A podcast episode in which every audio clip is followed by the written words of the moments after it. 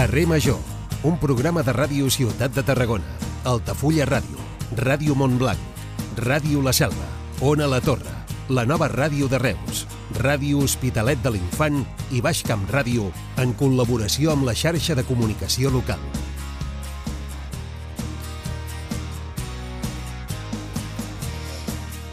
Hola a tothom, bona tarda. Mm, he tardat una miqueta a obrir-me el micro perquè us ho confessaré. Estava mirant la pàgina web de les incidències viàries del Servei Català de Trànsit perquè la notícia del dia d'avui a casa nostra i de fet del conjunt de Catalunya és que els pagesos estan bloquejant les principals carreteres de Catalunya i de fet s'han arribat a plantejar passar-hi la nit aquí al Camp de Tarragona, sobretot la protesta s'està concentrant al voltant de Tarragona, eh, de Montblanc, volem dir, i del Cuber, amb talls en vies com l'autopista AP2, la C14 o la Nacional 240. I és el que estava comprovant ara, en quins eh, punts eh, de la xarxa viària ens trobàvem problemes ara mateix. Hi ha circulació amb congestió, per exemple, a l'autovia A27, eh, en el tram Valls-Montblanc, també circulació amb retencions a l'autovia A7 a Tarragona, un tall per manifestació a l'AP2 a Montblanc, que és on hi ha concentrats més pagesos, circulació intensa per manifestació a l'autopista AP2 a Vilarrodona, també via tallada per manifestació a l'autovia AP2 a l'altura de Banyeres eh, del Penedès, circulació amb congestió a l'autopista AP7, en aquest cas a l'Ampolla a Parelló, eh, o altres eh, incidències que trobaríem ja també a les Terres de l'Ebre, a més de la seva la C14, on la via també està tallada per manifestació al terme eh, del Cuber. Són algunes de les incidències viàries eh, que hi ha avui arran d'aquests talls, aquestes eh, protestes eh, que han organitzat la plataforma 6F de pagesos que reclamen que redueixi la burocràcia que comporta la nova política agrària comuna, la PAC. També volen preus justos i mesures reals per combatre la sequera. Ja dèiem, una manifestació, unes protestes, una onada de protestes que en aquest cas no convoquen directament els sindicats, si bé eh, sí que compten amb el suport d'Unió de Pagesos. També s'hi ha manifestat a favor avui mateix l'Associació de Micropobles de Catalunya eh, que ha reclamat polítiques valentes perquè facin viable la petita agricultura. L'entitat avisa en un comunicat que cal actuar per evitar la seva desaparició i destaca que el sector sempre ha donat vida als pobles. I una advertència arran d'aquesta protesta d'avui. Comissions Obreres denuncia que la dreta i la ultradreta està intentant instrumentalitzar la mobilització de la pagesia. En una roda de premsa, el secretari general del Sindicat de Catalunya, en Javier Pacheco, ha assegurat, però, que les reivindicacions dels pagesos són plenament legítimes i ha reclamat una transició justa eh, que faci eh, possible l'activitat agrícola. Alhora, s'ha ofert a organitzacions com unions de pagesos per col·laborar perquè no es distorsionin eh, darrere de condicions ideològiques. I avui també apuntem, al marge d'aquestes mobilitzacions, que el Consell de Ministres ha aprovat ja l'augment del salari mínim interprofessional, que queda fixat a 1.134 euros al mes en 14 pagues. El govern espanyol calcula que la mesura beneficiarà uns 2,5 milions de persones treballadores i recorda que el salari mínim interprofessional s'ha incrementat un 54% en 5 anys. Avui pendent d'aquestes mobilitzacions que hi ha arreu del Camp de Tarragona protagonitzades pels pagesos, això és Carrer Major. Som les emissores del Camp de Tarragona amb el suport de la xarxa de comunicació local. Us acompanyem tot l'equip que fem el programa, l'Iri Rodríguez, l'Aleix Pérez, en David Fernández, a la Cristina Artacho, l'Adrià Requesens, en Jonai González, l'Antoni Millado, Antoni Mateos, jo mateixa, que sóc l'Anna Plaça, i el control tècnic que hi tenim, el Iago Moreno. Comencem. Carrer Major, Anna Plaza i Jonai González.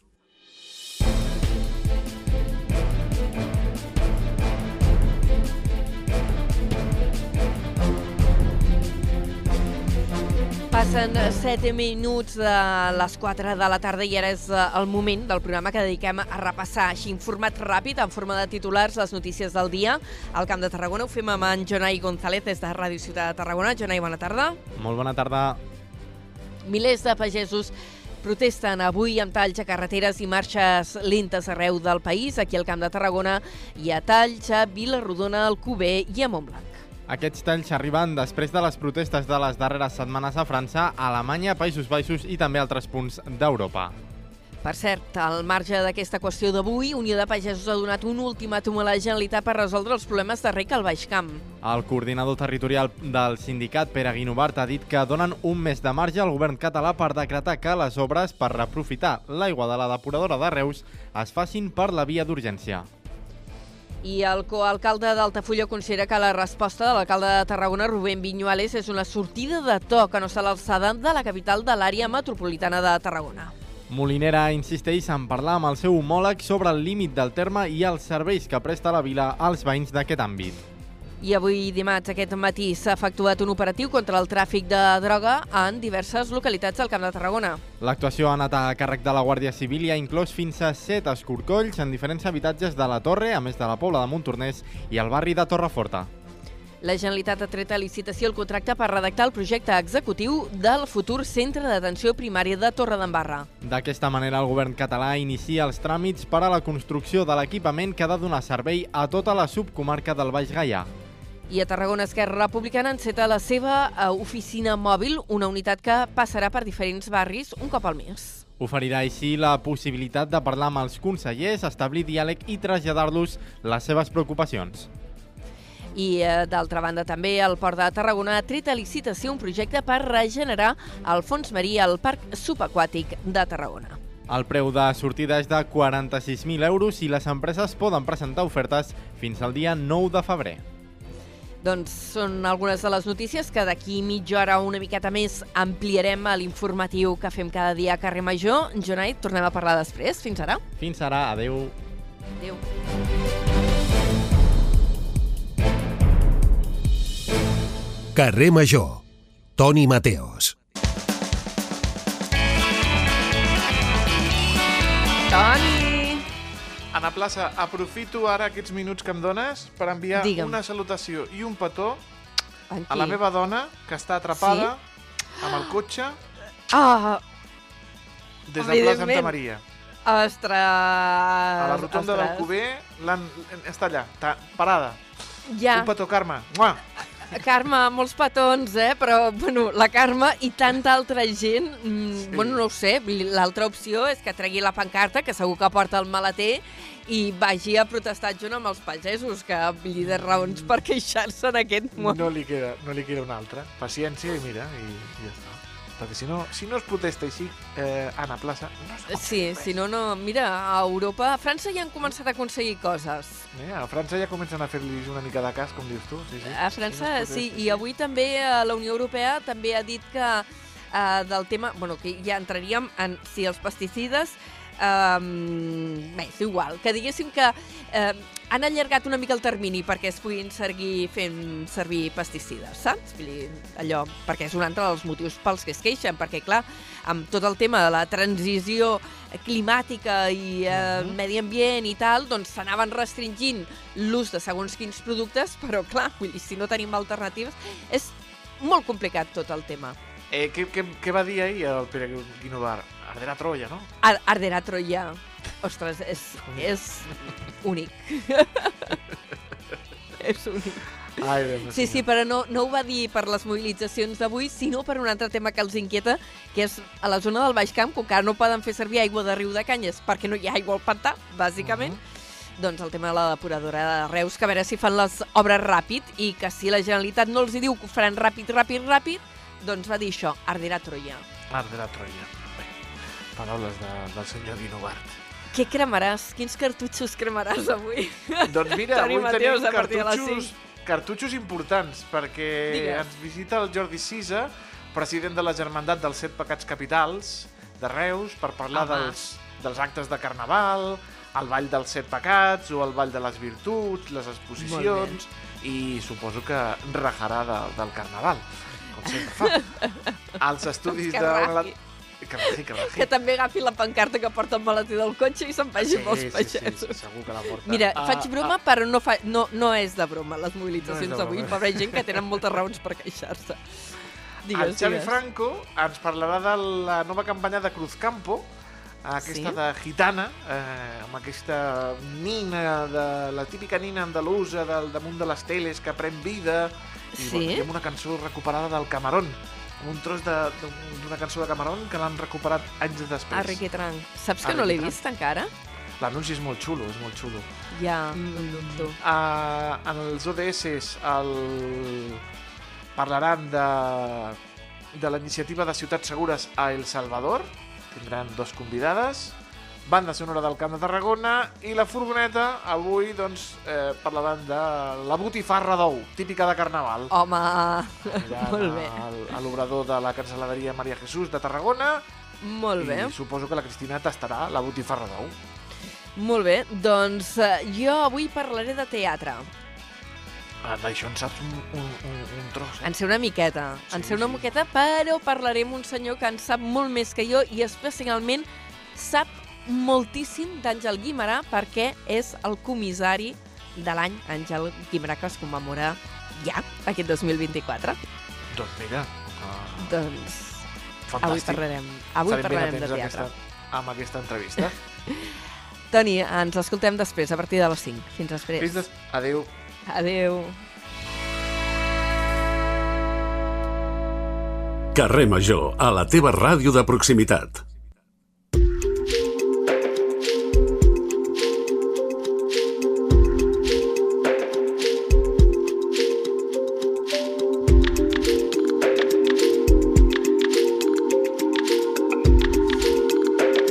Quart de cinc de la tarda i el nostre primer convidat, ara ho acabem d'anunciar, és el comissari de l'any Àngel Guimarà. Ell és en Ramon Bacardit, avui ens atén eh, per telèfon perquè el tenim a, a Barcelona.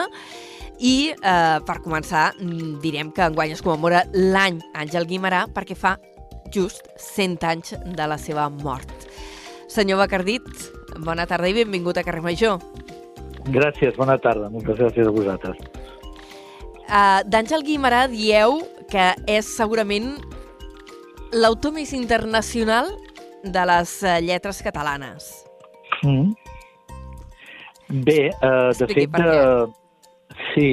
Uh, a veure, Àngel Guimarà va tenir un gran èxit internacional uh, a partir del fet que Maria Guerrero, l'actriu madrilenya, es va interessar per la seva obra, li va demanar que li fes obres per ella, per exemple, Maria Rosa o Terra Baixa, i ella les va anar difonent. I a través de la difusió que en va fer Maria Guerrero, eh, Guimarà es va veure molt sol·licitat i algunes obres d'ell van ser traduïdes en moltes llengües. Terra Baixa va ser traduïda a la majoria de llengües de l'època, eh, Maria Rosa doncs, també, eh, van donar lloc a pel·lícules, eh, a òperes, i per tant es pot dir que a finals del segle XIX i sobretot a principis del XX Guimarà era un autor de repertori una mica internacional. Per exemple, hi ha una actriu italiana, Italia Vitaliani, que li va demanar que li escrivís una peça i la va estrenar, la va estrenar primer a Barcelona en italià que no pas en català, que era Arran de terra, que la va estrenar com a Si volando sur la terra. Per tant, era un autor que va tenir una gran difusió, va ser un autor conegut i, i en aquest sentit probablement un dels més. Va ser, a més, eh, repetides vegades candidat al Premi Nobel. Per tant, doncs, va tenir aquesta repercussió internacional que altres no, no han tingut. Arran de Mar, mira, ara l'anomenava, per cert, una producció que es farà enguany al TNC, al Teatre Nacional de Catalunya, eh, coincidint amb, amb aquesta celebració d'aquest centenari, oi? Que és una obra molt, molt poc coneguda. Sí, de fet, el, la, el que potser val la pena de, de posar, diguem-ne, en coneixement i de, i de reivindicar en aquest any és que Marà és l'autor d'una quarantena llarga d'obres de teatre i, de fet, la gent en coneixem pràcticament, o se'n coneixen eh, quatre, no? La, la filla del mar, Maria Rosa, Terra Baixa, la Maricel en la versió de Goll de Gom i poca cosa més. Vull dir, els teatres públics i algun privat ha fet alguna altra obra, en Pólvora, la Festa del Blat, van fer el Sol Solet, però Sí. la major part de la seva producció dramàtica és desconeguda pel públic avui en dia.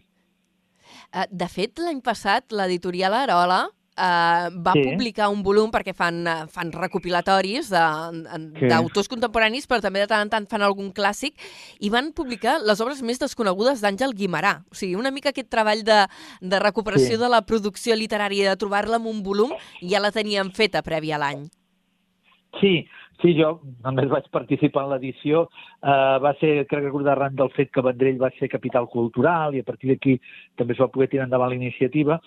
I, clar, també ja ens va servir perquè uh, poguéssim tenir ja una edició crítica i una edició fiable de tot un seguit d'obres que doncs, en Gerard Guerra i el Martí Romaní van fer una bona feina com a curadors.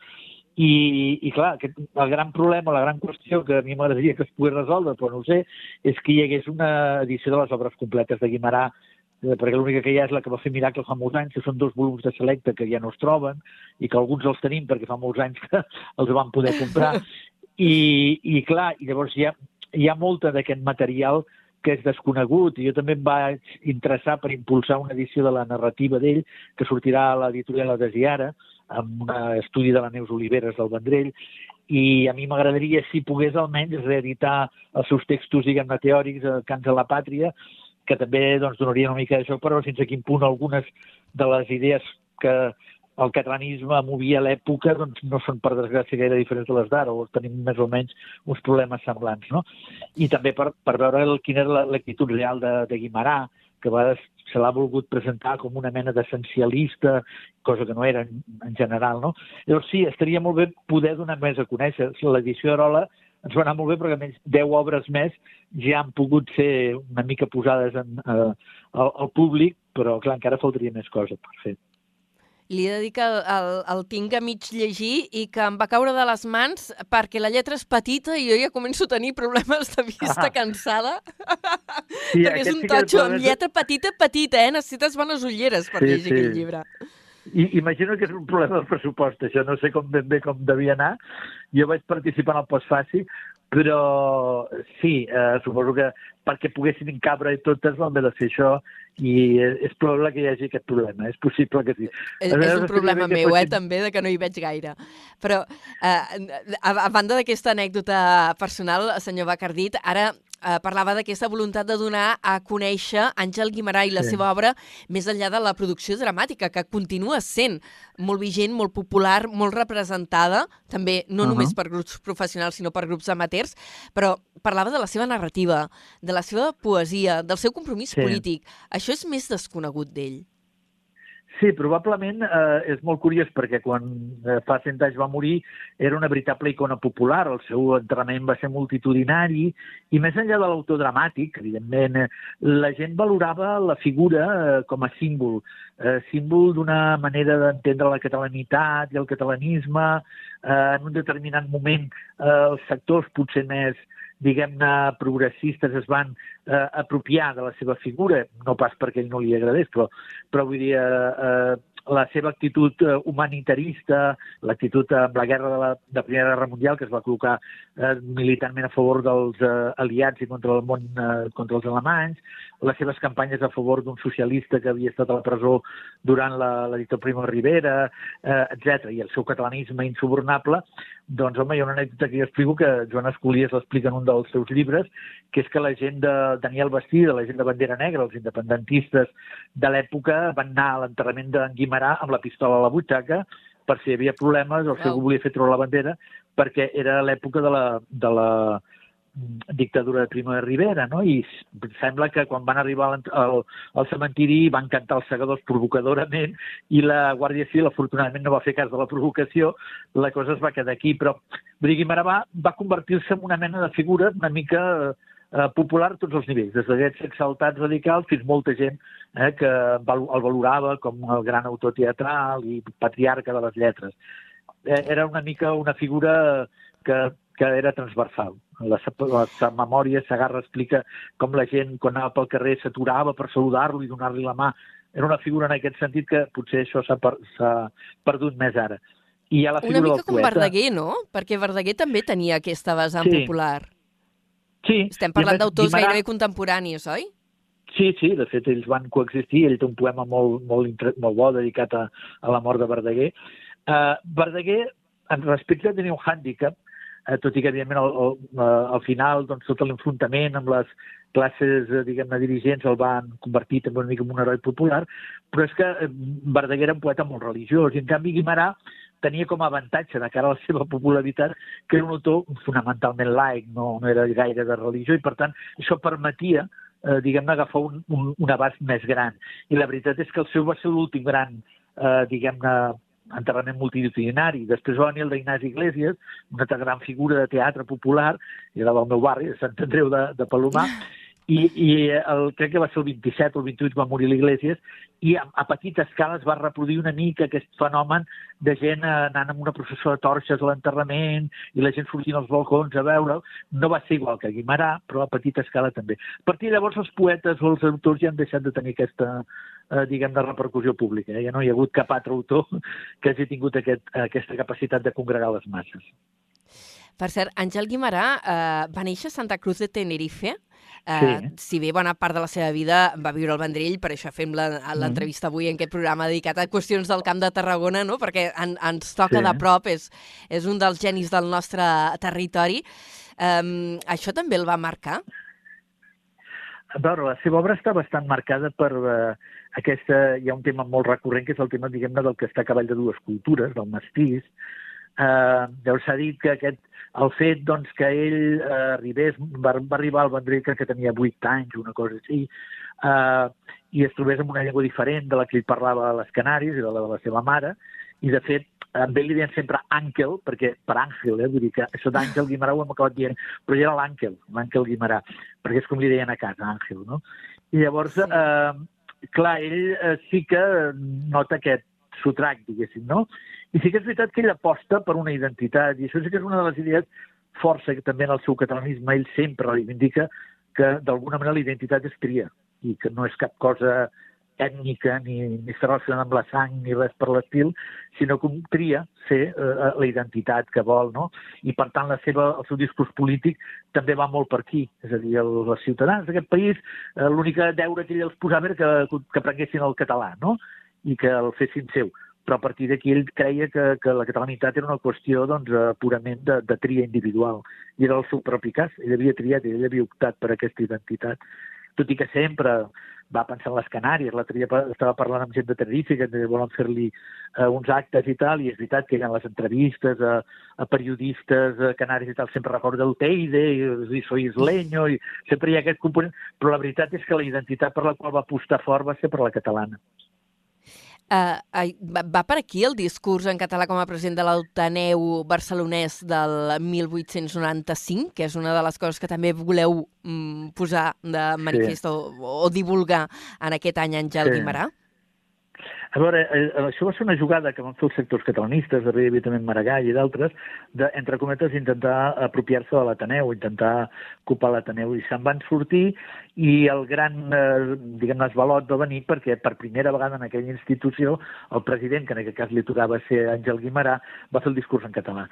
Això va provocar doncs, que saltessin cadires, que gent sortís indignada, que alguns socis es donguessin de baixa, però finalment n'hi va uns quants que es van quedar i van aplaudir, i a partir de llavors van canviar les coses. És a dir, que és molt significatiu de cara a la diglòsia que patia el país, la reivindicació que ell havia fet sempre, i el seu amic Pere Aldabert, des de les pàgines de la revista La Renaixença, que el català s'ha d'utilitzar sempre i a tot arreu a Catalunya, que aquesta havia de ser la llengua a Catalunya, en tots els àmbits.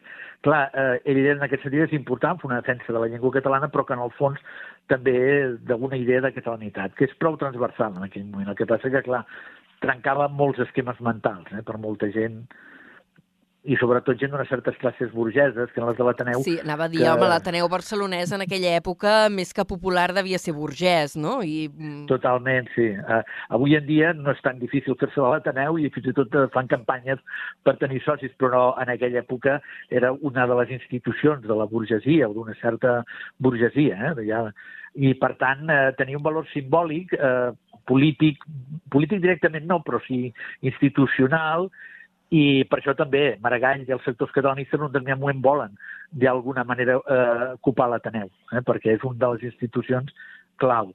I sí, sí que és veritat que aquestes classes es van sentir també, no tots, oi? perquè alguns van fer l'aposta del catalanisme, però sí que moltes d'aquestes classes es van sentir una mica alterades.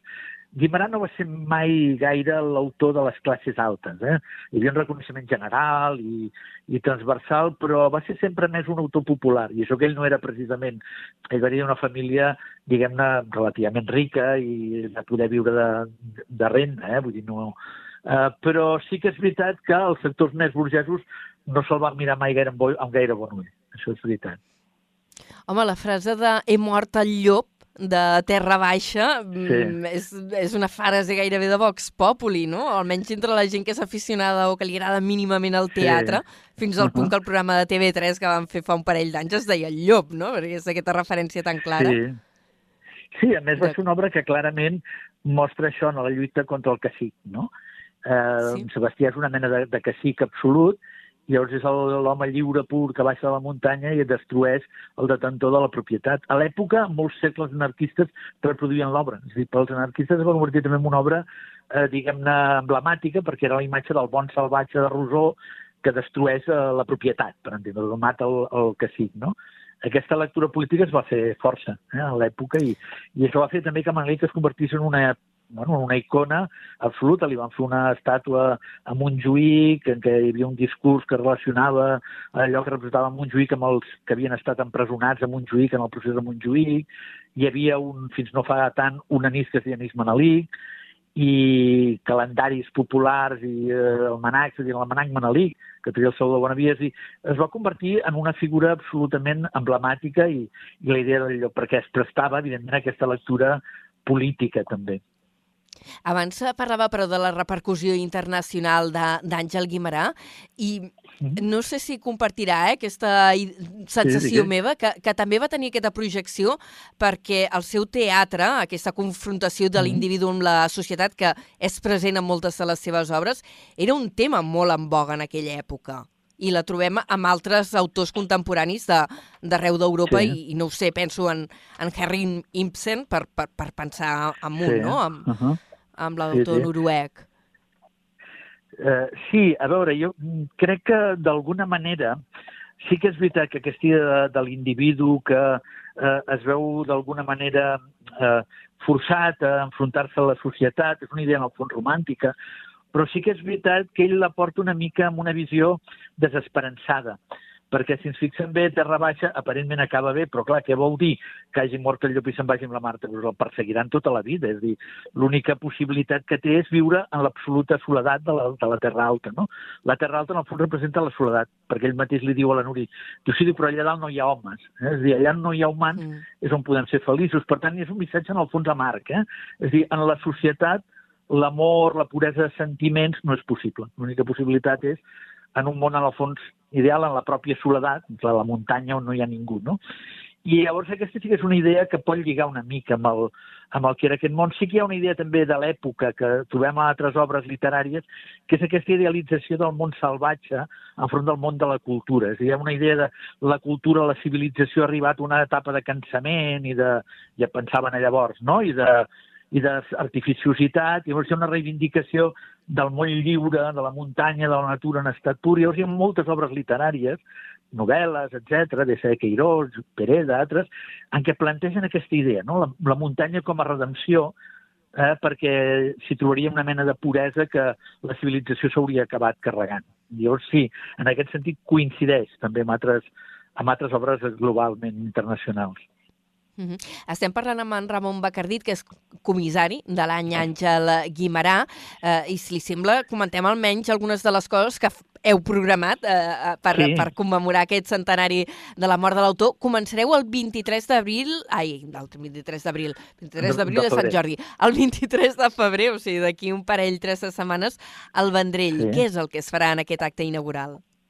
Bé, hi haurà un acte d'obertura en què bueno, s'està acabant de tancar alguna, alguns aspectes, per tant, molt, molt no podré dir. Hi, ha uns, hi haurà part dels parlaments institucionals i les intervencions d'una presentació a l'acte, doncs algun número musical, i, i la recitació de poemes, i llavors ja et dic, no m'atreveixo gaire a avançar-te'ns perquè està tot bastant lligat, però encara depèn d'alguna cosa i no m'atreviria, però sí que l'estructura de l'acte serà aquesta, eh? És a dir, hi haurà un altern, s'alternarà el parlaments institucionals amb eh, recitats de poemes i hi haurà també alguna intervenció musical de, de peces d'ell, però recordem que també Guimarà va tenir una gran repercussió a través de la música, perquè Enric Morera li va musicar alguns poemes que es van convertir sí. en sardanes populars. I llavors, doncs, uh -huh. aquest seria un aspecte, no? I després hi ha sí. més coses, hi ha representacions d'obres d'ell, eh, hi haurà un acte a l'original de Barcelona, aquell lloc on estan recitats de poemes, en què poetes joves eh, hauran llegit la seva poesia i, a part de recitar-ne alguns poemes, reflexionaran sobre la poesia de Guimarà, hi haurà una taula rodona amb eh, actors i directors que han posat en escena obres de Guimarà parlant de la seva obra eh, i parlant doncs, de la complexitat de posar la seva obra. I, en fi, hi ha un, un fotimer, tota una mà de, d'activitats. Eh, l'acte, l'any acaba el novembre al Teatre Nacional i sí que hi haurà una, una part artística que la portarà en Javier Albertí, i després hi ha algun acte a la Filmoteca de Catalunya en què passarem eh, l'obra de Cecil B. DeMille, la Maria Rosa, que va fer Cecil B. DeMille el 1912, amb acompanyament musical, hi haurà també una petita introducció d'un especialista i després una altra obra també, una versió molt curiosa de Maria Rosa, amb un eh, argument bastant canviat que va fer Antoni Montplet als anys 50 en castellà, i, en fi, hi haurà eh, també altres activitats a la Biblioteca de Catalunya. Hi ha una part també, diguem-ne, acadèmica, que és el col·loqui internacional, en aquest cas Guimarà Verdaguer, perquè organitza la Societat Verdaguer, i que tindrà com a seu el Vendrell, eh, Fulgaroles i Vic, per tant anirem alternant, i llavors eh, justament el tema de d'aquest col·loqui internacional serà la internacionalització d'aquests autors. Aquests autors el que han suposat internacionalització de la cultura catalana. Hi haurà també jornades pedagògiques, unes quals es faran al Vendrell, i al Vendrell es fan força més actes també, jo ara no els recordo de memòria, però hi ha tot un any ple d'activitats eh, al Vendrell, eh, plantejant també activitats a la platja per nens, amb una versió de, dels Pirates de Maricel, i sé que, sé que s'estan fent moltes coses, també representacions teatrals, l'associació Joan Manent eh, presentarà també cançons de, de Guimarà, o bueno, cançons a partir de poemes de Guimarà, hi haurà, per tant, aquesta faceta, diguem-ne, musical. Eh, en fi, hi ha, hi ha molta cosa, eh? Si ara de memòria ah. no ho recordo tot, però hi ha molta activitat que es pot consultar al web, a més. El web de l'any Guimarà es pot consultar i, i veure més o menys què es fa a cada lloc eh, que és un, un any, l'any Guimarà, que organitzeu amb el suport de, de l'Associació de Lletres Catalanes, oi? Sí, a l'Institució de Lletres Catalanes ja Això, té... l'institució. Sí, té fet aquesta, aquesta pàgina web, s'hi van penjant coses, perquè, clar, la idea és que, a part de tot un primer nucli, diguem, d'activitats que ja teníem lligat, doncs s'hi van incorporant coses i la idea és que jo ja tinc algunes altres propostes com a comissari que m'estan arribant i que mirarem de donar-li donar sortida.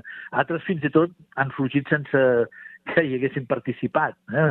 Hi ha una, una proposta de grups de teatre social que es diu Mort al Pop, en què faran servir també textos diferents de Guimarà, o l'altre dia vaig veure sorpresa que no ho sabia, eh, aquí a Sant Andreu, al SAT Teatre, eh, que presentava un grup d'aquí, una antologia de text d'Àngel Guimarà. I, bueno, vaig afanyar-me a dir que ho posessin també a la pàgina web, però vull dir que, Això clar... no ho tenia controlat, eh, que hi ha una nova antologia?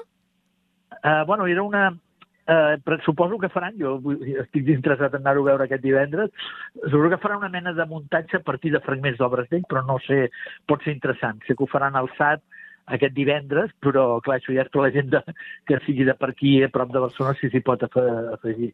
Però en tot cas, sé també que, per exemple, per les uh, comarques tarragonines hi ha grups que estan plantejant també obres i que estan plantejant mm. fer versions d'algunes obres d'ell, vull dir que eh, serà per tot el territori. A Manresa també faran força activitat i presentaran eh, la Santa Espina Musical, eh, que de fet era una obra sencera, de la qual eh, després Morera en va extreure la sardana i la va fer en sardana ballable, que és com s'ha fet potser més famosa, però ja la va treure perquè va ser un gran èxit quan es va estrenar l'obra Teatre La Santa Espina, aquesta sardana de, del final del segon acte, crec recordar.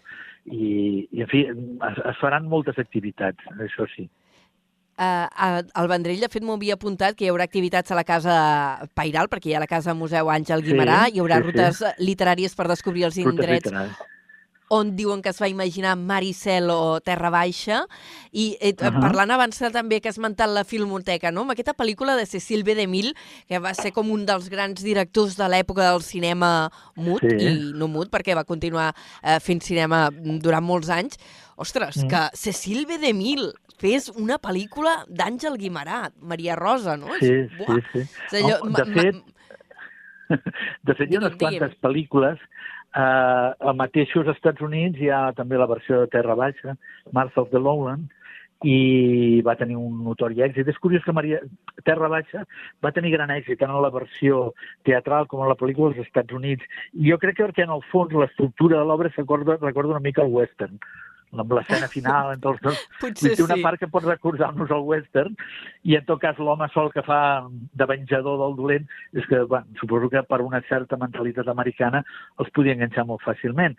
Però hi ha també eh, la versió magnífica que va fer Leni Riefenstahl, la cineasta, diguem-ne, amiga de Hitler, Alemanya. Però Mm. l'Alemanya els anys, l'any 42, 43, la va ambientar als Alps, van, va ambientar la, la Terra Baixa a partir de l'òpera que havien fet, que Eu- Eugen d'Albert, que es deia Tiflan Terra Baixa.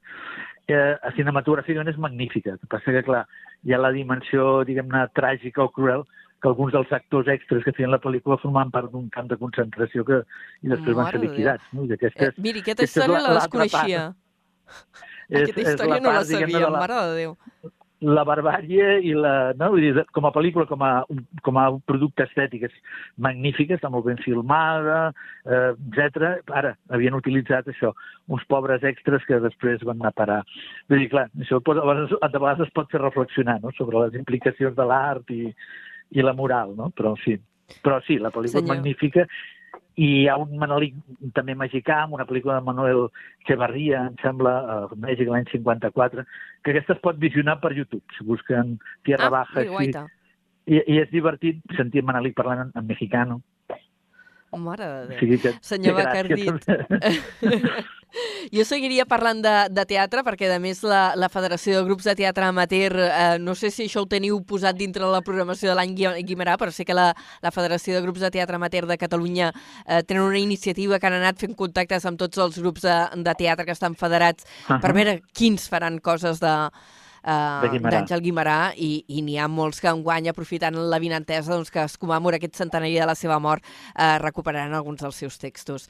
Uh, Sí. Un plaer parlar de teatre amb vostè, parlar de la figura també política, literària, Sí. la repercussió internacional que va tenir aquest autor de, de casa nostra, eh, i que vagin molt bé tots els actes que heu organitzat.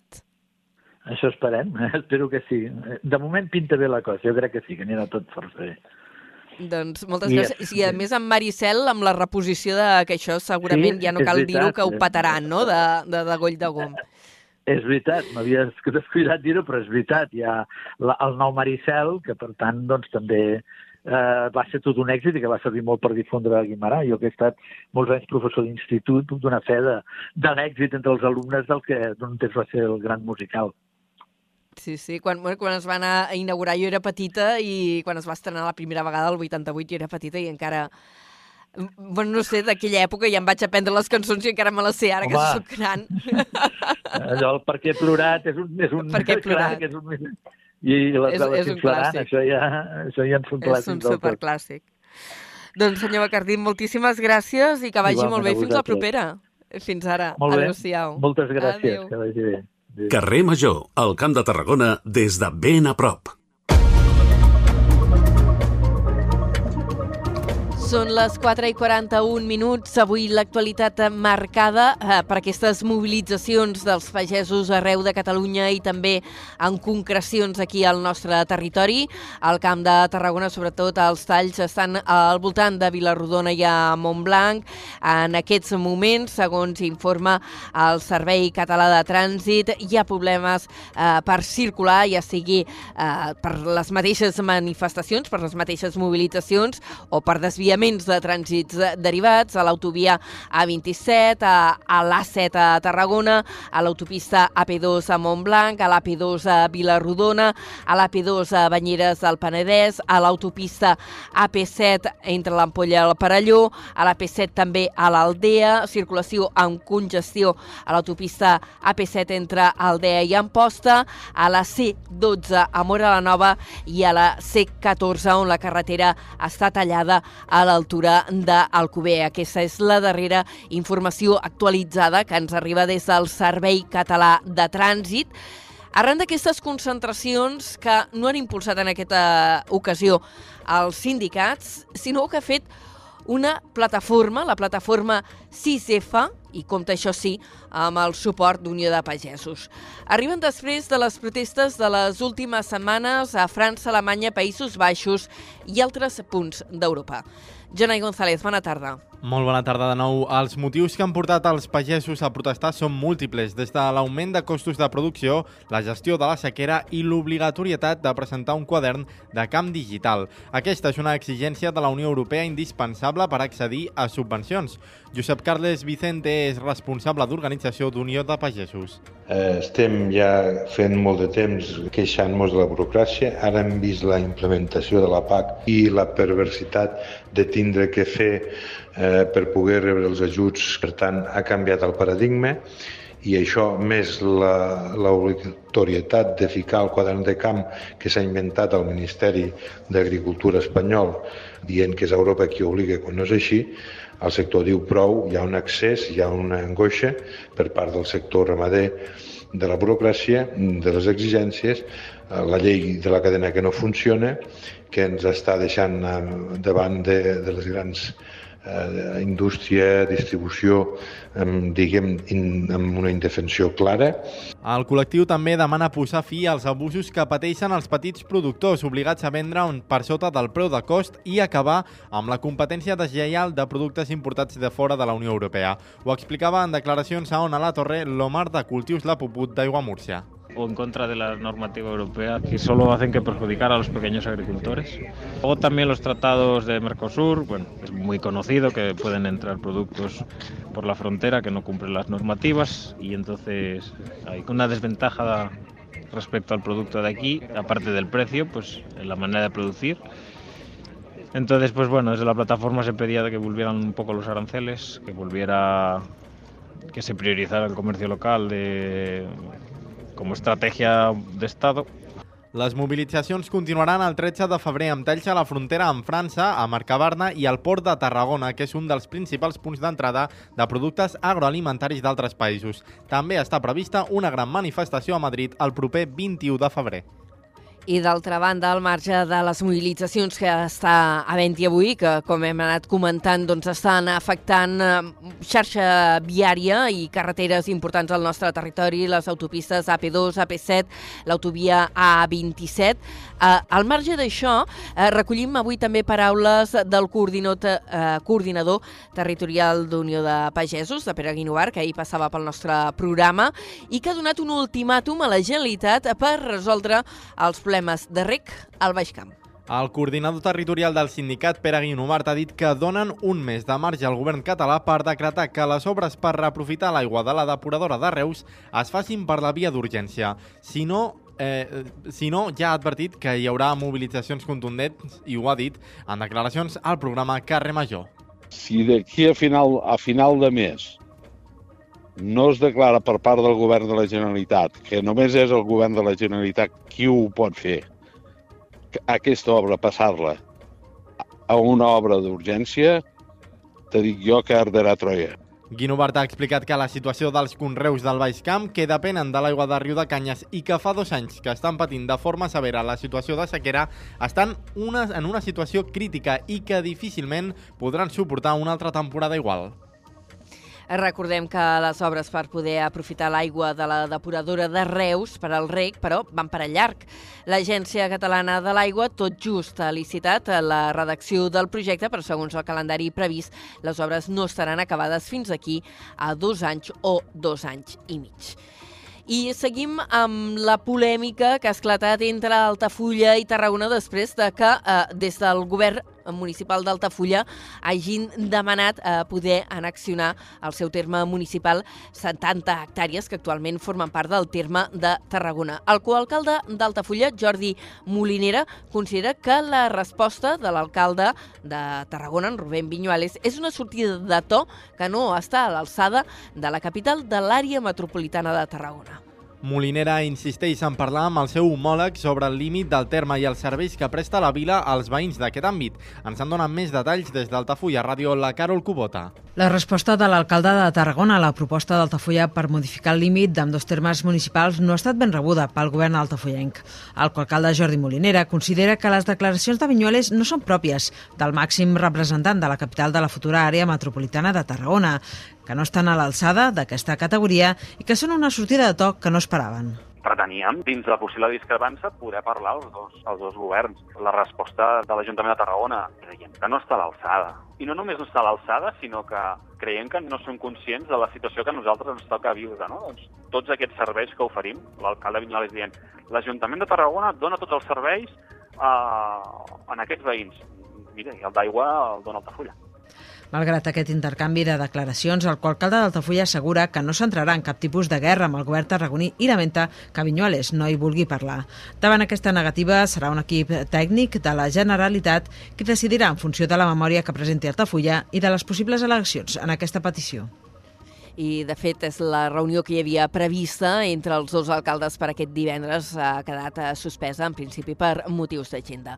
Parlem ara d'intervencions policials. Avui al matí, aquest dimarts, s'ha efectuat un operatiu contra el tràfic de drogues en diverses localitats del Camp de Tarragona. L'actuació l'ha fet la Guàrdia Civil i ha inclòs fins a set escorcolls en diferents habitatges de Torre d'Embarra, més de la Pobla de Montornès i el barri de Torreforta, Tarragona. Així ho han assenyalat fons de l'Institut Armat, que també han informat que de moment hi ha sis persones detingudes i que l'operatiu està vinculat amb el tràfic de drogues. De moment, l'actuació no s'ha tancat i no es descarta que hi hagi més arrestos. La investigació encara continua oberta. A Torre d'Embarra, els escorcolls s'han fet a primera hora del matí a l'entorn del carrer Camp de la Bota. Fons de la Guàrdia Civil han explicat a l'Agència Catalana de Notícies que poden haver implicats diferents de diferents tipus de droga, incloent la marihuana. 10 minuts i seran les 5 de la tarda. La Generalitat ha tret a licitació el contracte per redactar el projecte executiu del nou centre d'atenció primària de Torredembarra. D'aquesta manera, el govern català inicia els tràmits per a la construcció de l'equipament que ha de donar servei a tota la subcomarca del Baix Gaià. Ens fa la crònica des d'Ona la Torre en Josep Sánchez. Les empreses interessades poden presentar les seves ofertes fins al 26 d'aquest mes de febrer. El contracte està valorat en 758.000 euros i inclou també la direcció de l'obra del futur centre. Es tracta d'un primer pas per a la construcció del futur CAP, que s'instal·larà en uns terrenys de titularitat municipal situats a la carretera de la Riera, a tocar del cementiri.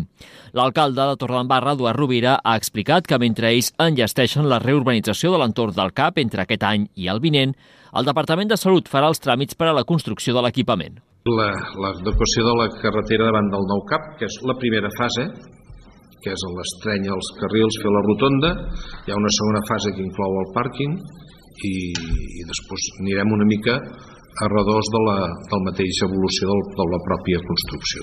El nou CAP permetrà l'ampliació dels serveis que s'ofereixen des de l'àrea bàsica de salut de Torredembarra i que cobrirà tota la zona del Baix Gaià. Moltes gràcies, Josep. I seguim en crònica local i parlant de política, ara situats a Tarragona, una Esquerra Republicana enceta la seva oficina mòbil, una unitat que passarà pels diferents barris un cop al mes. Oferirà així la possibilitat de parlar amb els consellers, establir diàleg i traslladar-los les seves preocupacions. És una crònica d'Adrià Duc des de Ràdio Ciutat de Tarragona. La consellera Maria Roig ha manifestat que a través d'aquesta iniciativa el que volen és acostar-se a la ciutadania i no quedar-se tancats als despatxos. Roig també ha aprofitat per destacar el paper que fa Esquerra com a primera força de l'oposició. Som el primer partit de l'oposició i l'oposició és una eina i volem que transmetre als ciutadans i als ciutadans de Tarragona que si ens fan arribar les seves preocupacions o les seves queixes, nosaltres som un mitjà per fer-ho arribar també al govern. Som un mitjà també de pressió i som un mitjà també per esclarir certes coses. Per tant, com a oposició tenim una tasca que també és traslladar al govern i fer pressió allà on calgui. Els republicans afirmen que aquesta iniciativa arriba en un moment en què el govern està portant a terme polítiques diferents a les quals ells haurien portat, en termes com seguretat o mobilitat, i que a més ho estan fent sense consultar ni tenir en compte els veïns. I seguim un moment a Tarragona on l'Ajuntament ha adjudicat els treballs per subministrar i instal·lar un nou paviment esportiu al Palau d'Esports a l'anella mediterrània.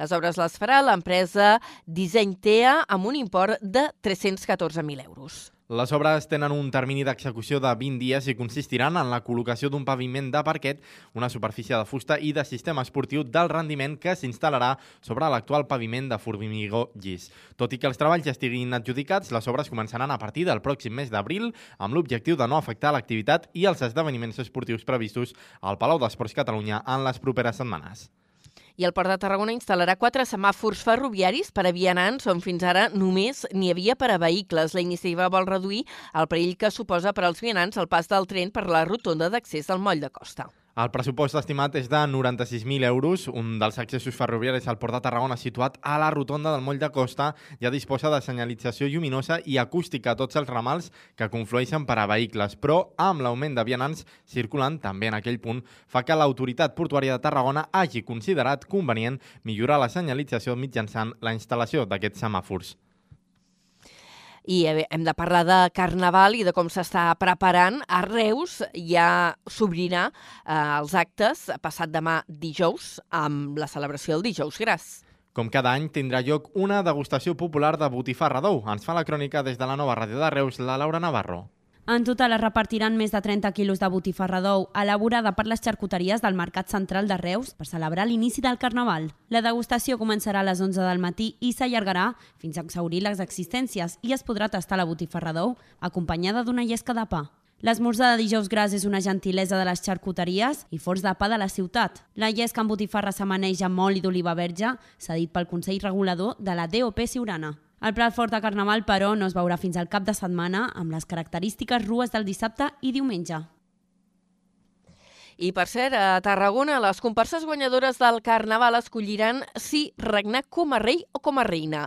Ho ha comunicat aquest matí l'alcalde Rubén Viñuales, que ha dit que d'aquesta manera volen tancar amb estereotips i desigualtats. Ara, la Comissió Consultiva de Carnaval haurà d'elaborar un nou protocol per la festa d'hivern de Tarragona. L'anunci s'ha fet, com dèiem aquest matí, durant la presentació de les figures del ninot i la ninota de Carnaval i de la bota que ja llueixen com cada any a la plaça de la Font. I dit això, anem als esports.